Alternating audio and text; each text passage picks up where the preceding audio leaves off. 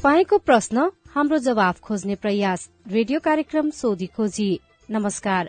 Radio कार्यक्रम सोधी खोजीमा तपाईँलाई स्वागत छ। म सजना तिमल सिन्हा। तपाई यो कार्यक्रम सामुदायिक रेडियो प्रसारक संघ अकुराबद्वारा संचालित सामुदायिक सूचना नेटवर्क सीआईएन मार्फत देशैभरिका सामुदायिक रेडियोबाट सुनिरहनु भएको छ। साथै सीआईएन खबर डट कम र मोबाइल एप सीआईएनमा पनि यो कार्यक्रम सुन्न सकिन्छ। आम नागरिकमा लक्षित कल्याण र समुन्नतिका लागि प्रजातान्त्रिक पद्धति अपनाई कानून बमोजिम संचालित कुशल पारदर्शी र जवाफदेही युक्त शासन प्रणालीलाई सुशासन भनिन्छ। सुशासनले विधिको शासनमा विश्वास गर्दछ। शासन सत्तामा रहेका व्यक्तिले देश र जनताको सेवकको रूपमा आफूलाई नबुझेसम्म सुशासनले मूर्त रूप लिन सक्दैन। अनि सुशासनमा सार्वजनिक सेवा प्रवाह गर्ने राज्य यसका निकाय र सिंह प्रशासन तन्त्रले देश र जनताको भलाइका लागि काम गर्न निस्वार्थ रूपमा छिटो एवं छरितो सेवा प्रवाह गर्नुपर्दछ। तपाईँले ती सेवा कसरी पाइरहनु भएको छ? तपाईँका सवाल र सेवालाई नागरिक मैत्री बनाउन केही प्रश्न तथा जिज्ञासाहरू छन्? तपाईँले सीआईएनमा पठाएका तीनै प्रश्न जिज्ञासाको हामी जवाब सोध्नेछौं। तपाईँले गरेको प्रश्न सवाल हो। सवालको जवाब कसले दिन्छ? यी जम्मै सवालको प्रमुख जिम्मेवार को हो? हामी जिम्मेवार निकाय र व्यक्तिलाई सोध्ने मात्रै छैनौं त्यसको खोजी पनि गर्नेछौ। तपाईँको प्रश्नको उत्तर मात्रै खोज्ने छैनौं त्यसपछि त्यो सवाललाई टुङ्गोमा पुर्याउन के भइरहेको छ? त्यसको पनि सोधी खोजी गर्नेछौ। हाम्रो टेलिफोन नम्बर शून्य एक बान्न साठी छ चार छमा फोन गरेर रेकर्ड गर्नुहोस्। यो नम्बरमा तपाईँले जुनसुकै बेला फोन गरेर आफ्ना प्रश्न रेकर्ड गर्न सक्नुहुनेछ। तपाई प्रश्न राख्नुहोस् हामी जवाब खोज्नेछौ कार्यक्रम सोधी खोजीमा। देश संघीयतामा गएपछि सात सय त्रिपन्नवटा स्थानीय सरकार छन्। सात प्रदेश सरकार र केन्द्रमा संघीय सरकार छ। संघ प्रदेश र स्थानीय सरकारबाट सम्पादन हुने काममा ढिलासुस्ती छ अनियमितता भएको छ नियम मिचेर कसैले काम गरेको छ भने तपाईँले ती गुनासा सीआईएनमा राख्न सक्नुहुनेछ। घर दैलोमा सरकार पुगेपछि नागरिकले प्रभावकारी सेवा पाउने र विकासको कामले प्राथमिकता पाउने आशा गरिएको थियो। के नागरिकले त्यही आशा अनुसारको सेवा पाइरहेका छन्? छैनन् भने ती प्रश्न पनि तपाईँले राख्न सक्नुहुनेछ। आज हामीसँग विद्युतसँग सम्बन्धित धेरै प्रश्न छन्। सँगै अरू विविध विषयमा आएका प्रश्न अनि ती प्रश्नको जवाफ पनि छन्। शुरूमा विद्युतसँग सम्बन्धित प्रश्न। सबै प्रश्नको जवाफ दिँदै हुनुहुन्छ नेपाल विद्युत प्राधिकरणका प्रवक्ता सुरेश बहादुर भट्टराई। नमस्कार म रौतडबाट दीपक भुजेल अथवा विजयपुर नगरपालिका अन्तर्गत वडा नम्बर एघारमा पर्दछ।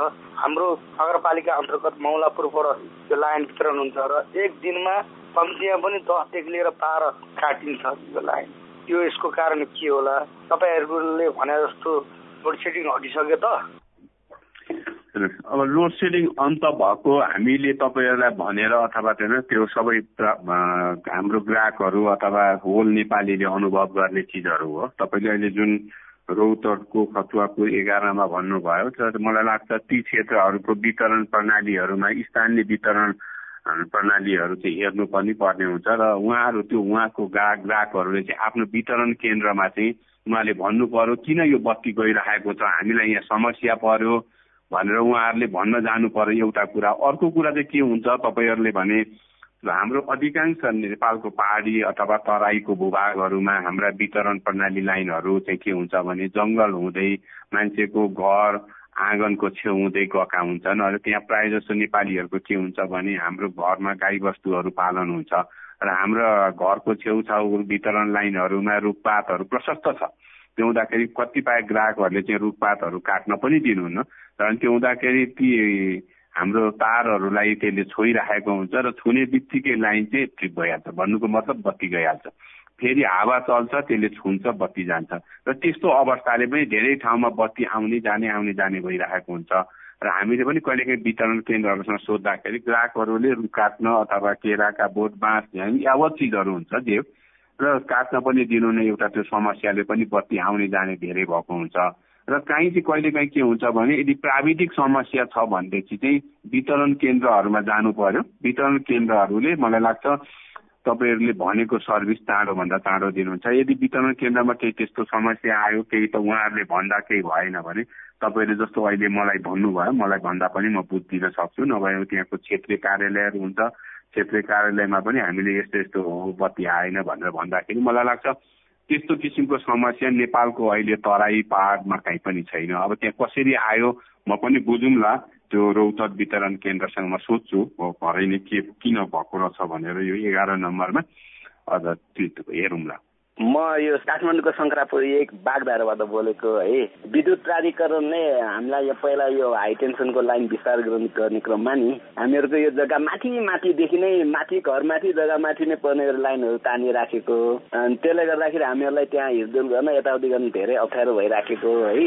अनि त्यति मात्र नभएर यो बाटो विस्तारको क्रममा यो पोलहरू बाटो माथि राखिरहेको पोलहरू तल तल खसिराख्दो रहेछ। जति तल खस्यो त्यति माथि माथि सार्दा सार्दा झन् त्यो पोलको लाइनहरू झन् बारीको माझ माझमा पर्ने अवस्था भइराखेको छ है।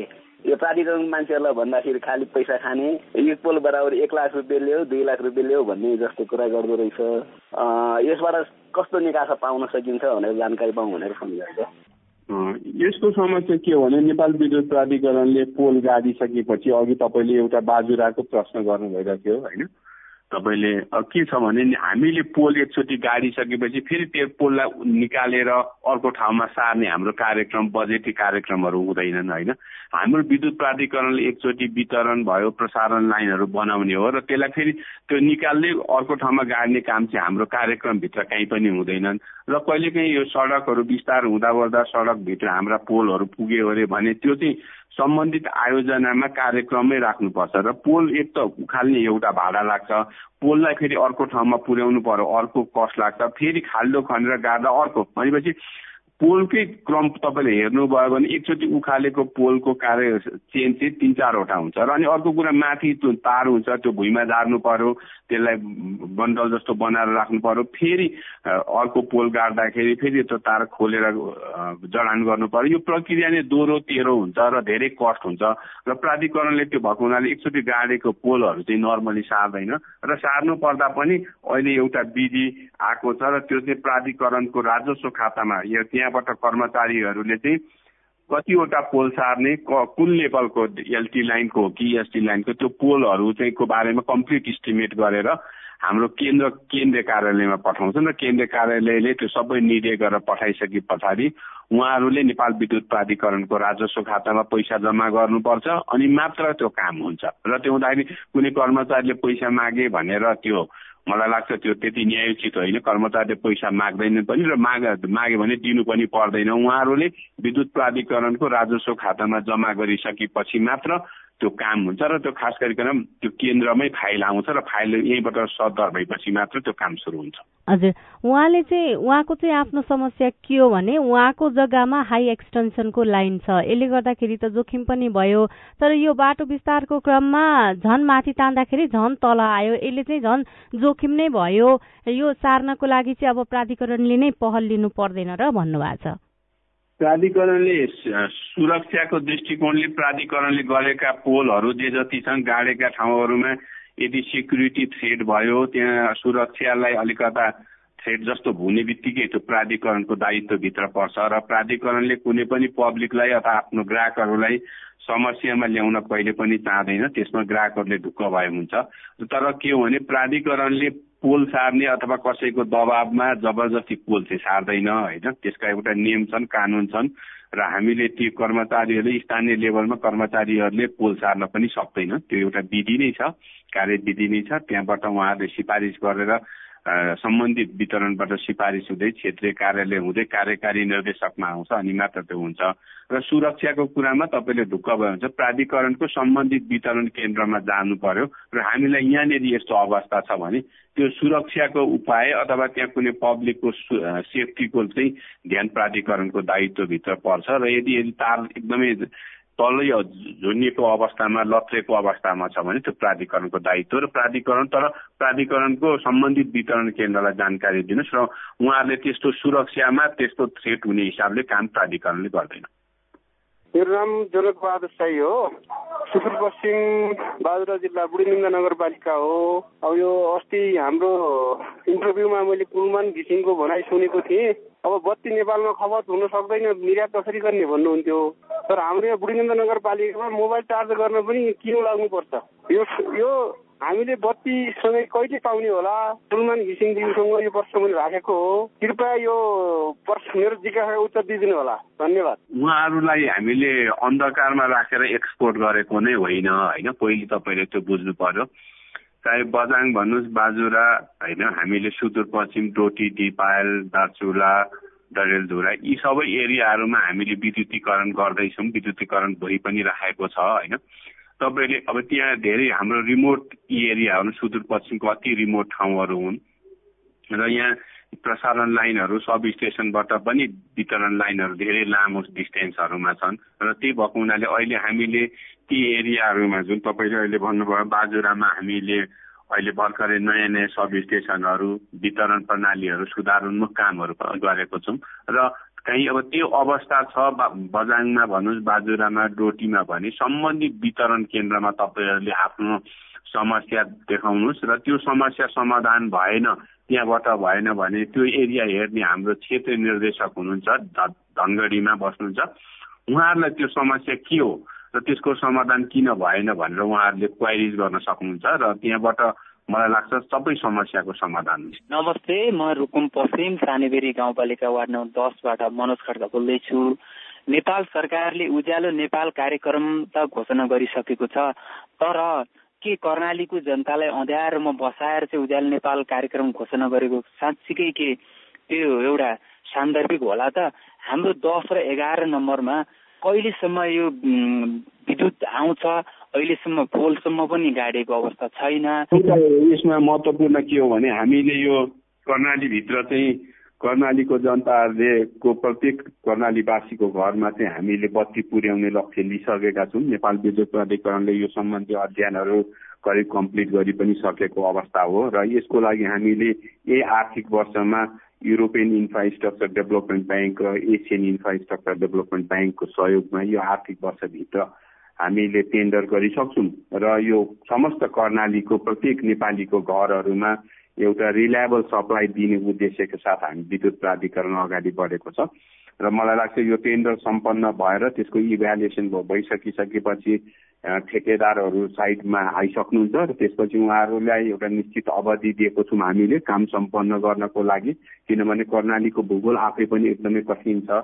त्यहाँ पोल तार ट्रान्सफर्मरहरू पुर्याउन तराईको अथवा अन्य पहाडी भेगको जस्तो छैन धेरै कठिन छ त्यो भएको हुनाले केही समय हामीलाई लाग्छ त्यहाँ।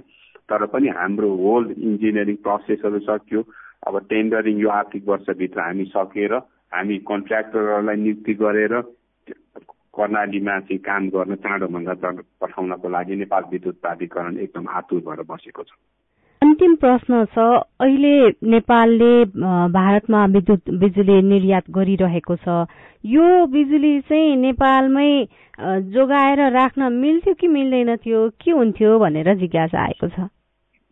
तपाईँले भनेको यो एकदमै प्रश्न एकदम सान्दर्भिक र अति राम्रो प्रश्न पनि हो अहिले नेपालको कन्ट्याक्समा हामीले नेपालमै पनि खपत गर्नुपर्छ पहिलो हामीले उत्पादन गरेको बत्तीहरू चाहिँ नेपालमै जति खपत बढाउन सक्यो यसले मुलुकको इकोनोमी र यहाँको नेपालीहरूको आर्थिक अवस्था अझ सुधार उन्मुख गर्छ भन्ने हामीलाई विश्वास छ। र खास गरिकन अहिले हामीले विराटनगर औद्योगिक कोरिडोर वीरगञ्ज औद्योगिक कोरिडोर भैरवा औद्योगिक कोरिडोरमा पनि हाम्रो अत्याधिक माग छ बत्तीको। त्यसको अलावा देशभरि नै अहिले तपाईँले भन्नुभयो कर्णाली भन्नुहोस् सुदूरपश्चिम भन्नुहोस् पूर्वी नेपालका पहाडी भूभागहरू भन्नुहोस् मध्य नेपालका पहाडी भूभागहरूमा पनि हामीले अत्याधिक रूपहरूमा सप्लाई राम्ररी पुर्याएर ती क्षेत्रहरूमा पनि घरेलु उद्योगहरू स्थापना गर्न सक्यौँ र औद्योगिक क्षेत्रहरूमा हामीले भनेको जस्तो सप्लाईहरू पुर्याउन सक्यौँ भने हाम्रो मुलुक नै अझै पनि पन्ध्र सय दुई हजार मेगावाट कन्जम्सन बढ्छ है। तर यसको लागि एउटा सबभन्दा विडम्बना कुरा नेपाल विद्युत प्राधिकरणले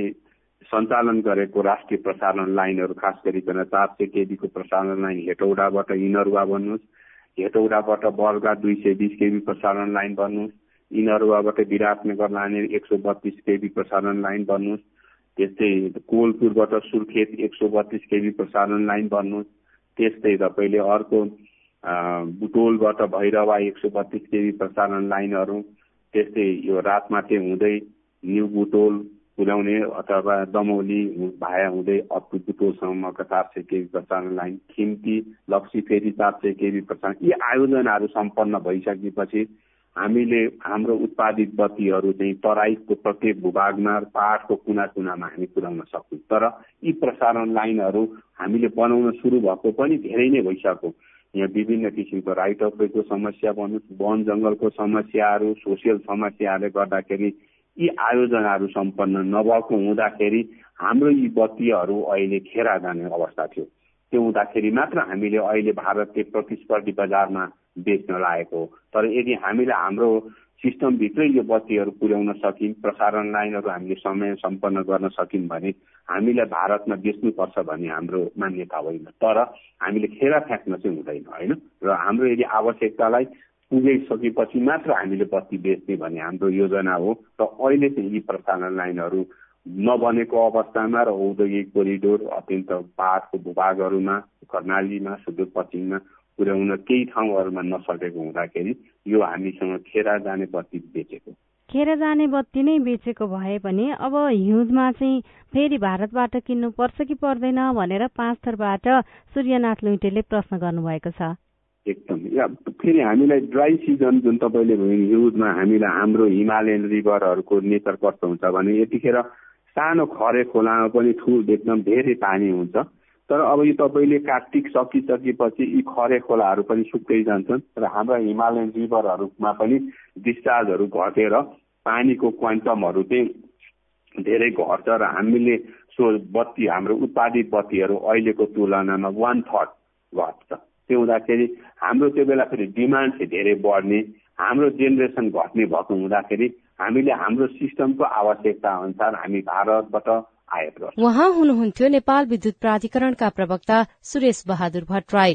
तपाई अहिले कार्यक्रम सोधी खोजी सुनिरहनु भएको छ। यो कार्यक्रम सामुदायिक रेडियो प्रसारक संघ अखुराबद्वारा संचालित सामुदायिक सूचना नेटवर्क सीआईएन मार्फत देशैभरिका सामुदायिक रेडियोसँगै सीआईएन खबर डट कम र मोबाइल एप सीआईएनमा पनि सुन्न सकिन्छ।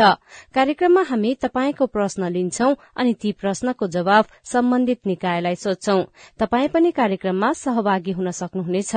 त्यसको लागि तपाईँले शून्य एक बान्न साठी छ चार छमा फोन गरेर आफ्नो प्रश्न जिज्ञासा गुनासा अनि समस्या जुनसुकै बेला रेकर्ड गर्न सक्नुहुनेछ। केही बेर अघि हामीले नेपाल विद्युत प्राधिकरणका प्रवक्ता सुरेश बहादुर भट्टराईसँग विद्युतको विषयमा आएका प्रश्नको जवाफ लियौं। अब अरू विषयतिर लागौं। हजुर म दार्चुला जिल्लाबाट म रणजित सिंह धामी। दुई हजार अठहत्तर सालको एससी परीक्षा छ। यसमा केही दार्चुला जिल्लाबाट केही विद्यार्थीहरूको त्यो टिप्लिकेटमा चाहिँ अलग नम्बर अनि प्रवेश पत्रमा चाहिँ अलग रोल नम्बर भन्नाले यसको रिजल्ट कसरी के होला भन्ने बुझ्नलाई हो। तपाईँको जिज्ञासा मेटाउँदै हुनुहुन्छ राष्ट्रिय परीक्षा बोर्ड अन्तर्गत कक्षा दसको परीक्षा उपनियन्त्रक भक्त गोदार। यसो गर्नु पर्यो जिल्लाले चाहिँ जिल्लाले सिमल नम्बर फरक परेको हुनाले सजाय दिनु भनेर एउटा चिठी लेखिदिनु पर्यो। त्यो अनुसार हामी सजाय दिन्छौँ यो चाहिँ परीक्षा फल सार्वजनिक हुनुभन्दा अगाडि नै अगाडि नै गर्नु पर्यो अगाडि नै। त्यसपछि त फेरि त्यो रिटोटलिङमा जान्छ अलिक झन्झटिलो हुन्छ। सुरुमै गर्यो भने उसको पहिले नै सकिएर आउँछ। यसको लागि उहाँले अब के गर्नुपर्छ? जिल्ला जिल्लाबाट जिल्ला शिक्षा विकास तथा समन्वय इकाइबाट एउटा सिफारिस गर्ने उहाँहरूलाई थाहा छ कसको सिम्बल नम्बर फरक परेको भन्ने। त्यो उहाँहरूले सिफारिस गरिदिनुहुन्छ अनि यहाँ पठाएपछि हामी त्यो अनुसार मिलाइदिन्छौँ। नमस्ते म घाँसीराम सुवेदी शङ्खसभा जिल्ला मावि नगरपालिका वडा नम्बर चारबाट बोलेको छु। यो सरकारले अडसठी वर्षका मानिसलाई चाहिँ सामाजिक सुरक्षा भत्ता दिने भनेको थियो। अनि यहाँ फारम भर्न जाँदा वडा कार्यालयमा हामीलाई परिपत्र आएको छैन भन्छन्। यो के होला माथिबाट दिने हो कि नदिने कहिले परिपत्र हुन्छ? जवाफ दिँदै हुनुहुन्छ राष्ट्रिय परिचय पत्र तथा पञ्जीकरण विभागका निर्देशक सागरमणि पाठक। साउनदेखि चाहिँ बजेट विनियोजन भएर त्यो अठसठी वर्ष पुगेको व्यक्तिहरूलाई चाहिँ सामाजिक सुरक्षा भत्ता दिने भन्ने नेपाल सरकार निर्णय छ। त्यो चाहिँ बजेट कार्यान्वयनको नीतिगत विषयमा चाहिँ विभागले परिपत्र गरिसकेपछि मात्रै अनि त्यसपछि स्थानीय तहबाट चाहिँ लाभग्राहीको निवेदन लिने निवेदन लिएर लाभग्राहीको सूचीमा चाहिँ नाम दर्ता हुने काम हुन्छ। सकेसम्म यो महिनाको अन्तिममा हुन्छ नभए साउनको फर्स्ट विकसम्ममा यी कामहरू हुन्छ। म नवराज घिमिरे मेरो घर भीमसेन थापा गाउँपालिका वार्ड नम्बर एक गोर्खा। मेरो गाउँपालिकाको नाम भीमसेन र थापा एकै ठाउँमा जोडिएको हुनुपर्छ तर मैले पासपोर्ट बनाउन जाँदा भीमसेन थापा गाउँपालिकाको ठाउँमा भीमसेन र थापा अलग अलग लेखिएको छ। अब मैले नाता प्रमाणित गर्न जाँदा भीमसेन थापा गाउँपालिकामा